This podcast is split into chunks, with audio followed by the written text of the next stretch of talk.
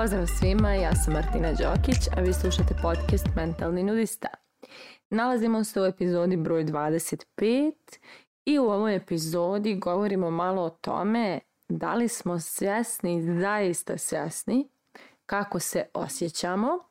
da li prepoznajemo svoje emocije i ono što je najvažnije, da li ih sebi priznajemo. Kao neko ko, naravno, kao i u svakoj epizodi ja sam neko ko je to prošao, jeli, pa i u ovoj. E, ja sam, jeli, neko ko je odrastao u kući jedne žene koja je uvijek bila jaka, ali onako grubo jaka jer je svašta nešto morala da iznese.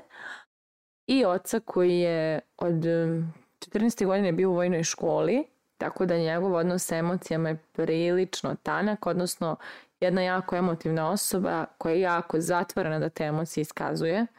Mogu reći stvarno da poslednjih godina se to dosta promijenilo, ali takav je bio neki proces mog odrastanja i ja koja sam jeli, rasla u takvom domaćinstvu koje mogu reći neko tipično balkansko u nekim raznim okolnostima koje su se dešavale nisam bila baš naučila najbolje da razumijem kako se tačno osjećam, nego su se nekako emocije dešavale, a ja sam ih tumačila na neke proste načine. Nešto je bila patnja, nešto je bila sreća, ali ništa nekako između nije postojalo da je onako da znam šta je ljutnja, da znam šta je frustracija, da znam šta je povrijeđenost da znam šta je radovanje, da znam šta je oduševljenje, da znam šta je divljenje. Znači gomilu, gomilu nekih emocija nisam baš najbolje raspoznavala, ali možda što je najvažnije, nisam sebi mnogo emocija priznavala. I ono što se meni često dešavalo, a što se mnogima i dešava, jeste da su se te emocije ispoljavale kroz zdravstvene probleme jer mi kada ne eksplodiramo, odnosno ne ispoljimo van i ne izbacimo van sebe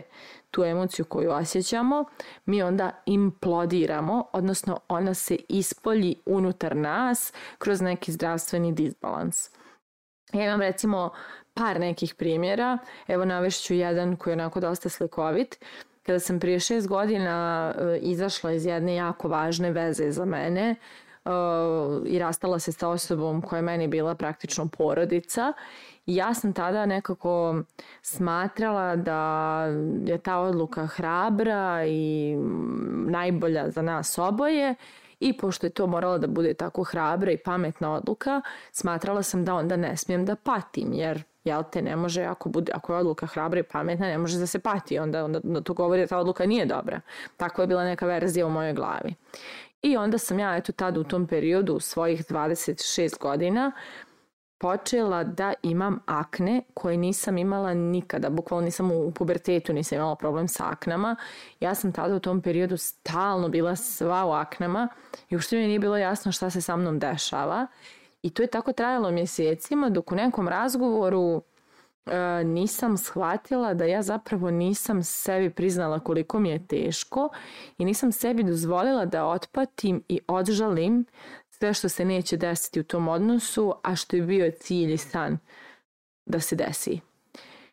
I onda sam ja tako dozvolila sebi da se suočim sa svim tim potisnutim, a teškim emocijama, da se oprostim od tog odnosa onako dubinski, da prosto žalim za njim, da budem tužna, da budem u patnji i kada je isteklo iz mene sve što je imalo vezano za to, moje akne su nestale. Isto se tako dešavalo u nekim drugim kontekstima ili situacijama, a svakako ja sam poslednjih godina počela sve više i više da učim o tome kako da prepoznam kako se osjećam. Da li me nešto povrijedilo, da li me nešto naljutilo, da li me nešto isfrustriralo, da li me nešto, ne znam, izrevoltiralo, ali sve te nijanse su vrlo različite i nose različita rješenja i različit razgovor koji treba da se obavi povodom toga. Tako da bukvalno e, razumijevanje tih različitih dijapazona emocija je meni donijelo neku vrstu protočnosti, odnosno da nemam nešto više nataloženo u sebi od emocije, nego čim se pojavi neka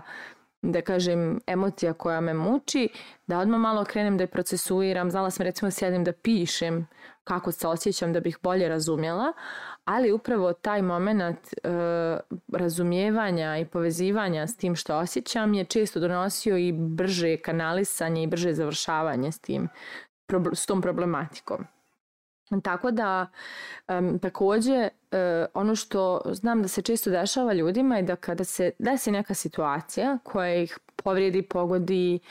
nebitno isfrustrira ili kako god, oni mogu racionalno da razumiju zašto se to desilo, imaju objašnjenje ok, ovo je moralo ovako zbog toga, toga i toga ili ta osoba je uradila tako zbog toga, toga i toga. I onda jer, ima, jer, imaju, jer imaju to racionalno rješenje često zabranjuju sebi da se onda osjećaju loše jer kao ako ja sad to razumijem ja ne treba da se osjećam loše. Međutim netačno. Znači vi možete da razumijete neke stvari a ipak da nosite u sebi neku negativnu emociju i da dozvolite sebi da je osjetite, proživite, date joj prostora da se iskaže. Na primjer,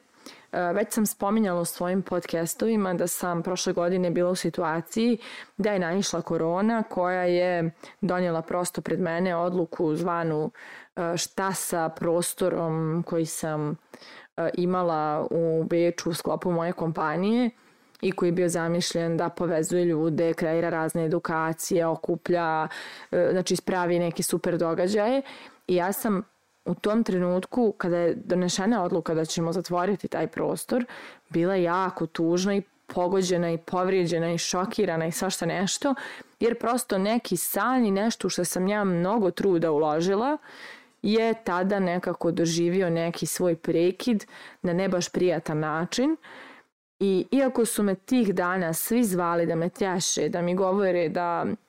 su tu za mene, da mi, moji klijenti su mi govorili da su to samo zidovi, da su oni hub i da ćemo napraviti još bolji hub. Znači, bukvalno imala sam svu podršku ovog svijeta oko sebe i iako sam ja razumjela da je ta odluka super, jer će nas priječiti da uđemo u rizik, da držimo prazan prostor koji ne može da se izdaje mjesecima jer je lockdown i da zbog toga onda uđemo u dugove. Ja sam ipak bila jako tužna i povrijeđena tom situacijom i dozvolila sebi da to iskažem. I ja sam svima koji su me tada tješili govorila da slažem se, sve znam. Znam da je ovo dobra odluka, znam da je ovo pametno, znam da ćemo napraviti opet, da ćemo napraviti bolje, znam da sam okružena divnim ljudima, da imam divne klijente, sve znam, samo mi treba malo vremena da proživim ovaj okret koji se sada desio. I ja sam doslovno dozvolila sebi i da plačem i da jaučem i da gledam kao da mi se svijet srušio i da puštam tužne pjesme. Znači, bila sam, dozvolila sam sebi svu patetiku ovog svijeta i kada sam zaista, mislim, kada sam dozvolila sebi da izađe iz mene sve to, ja sam bukvalno kroz par dana bila dobro. Znači, posle par dana izražavanja tih emocija, one su se nekako otpustile, iščistile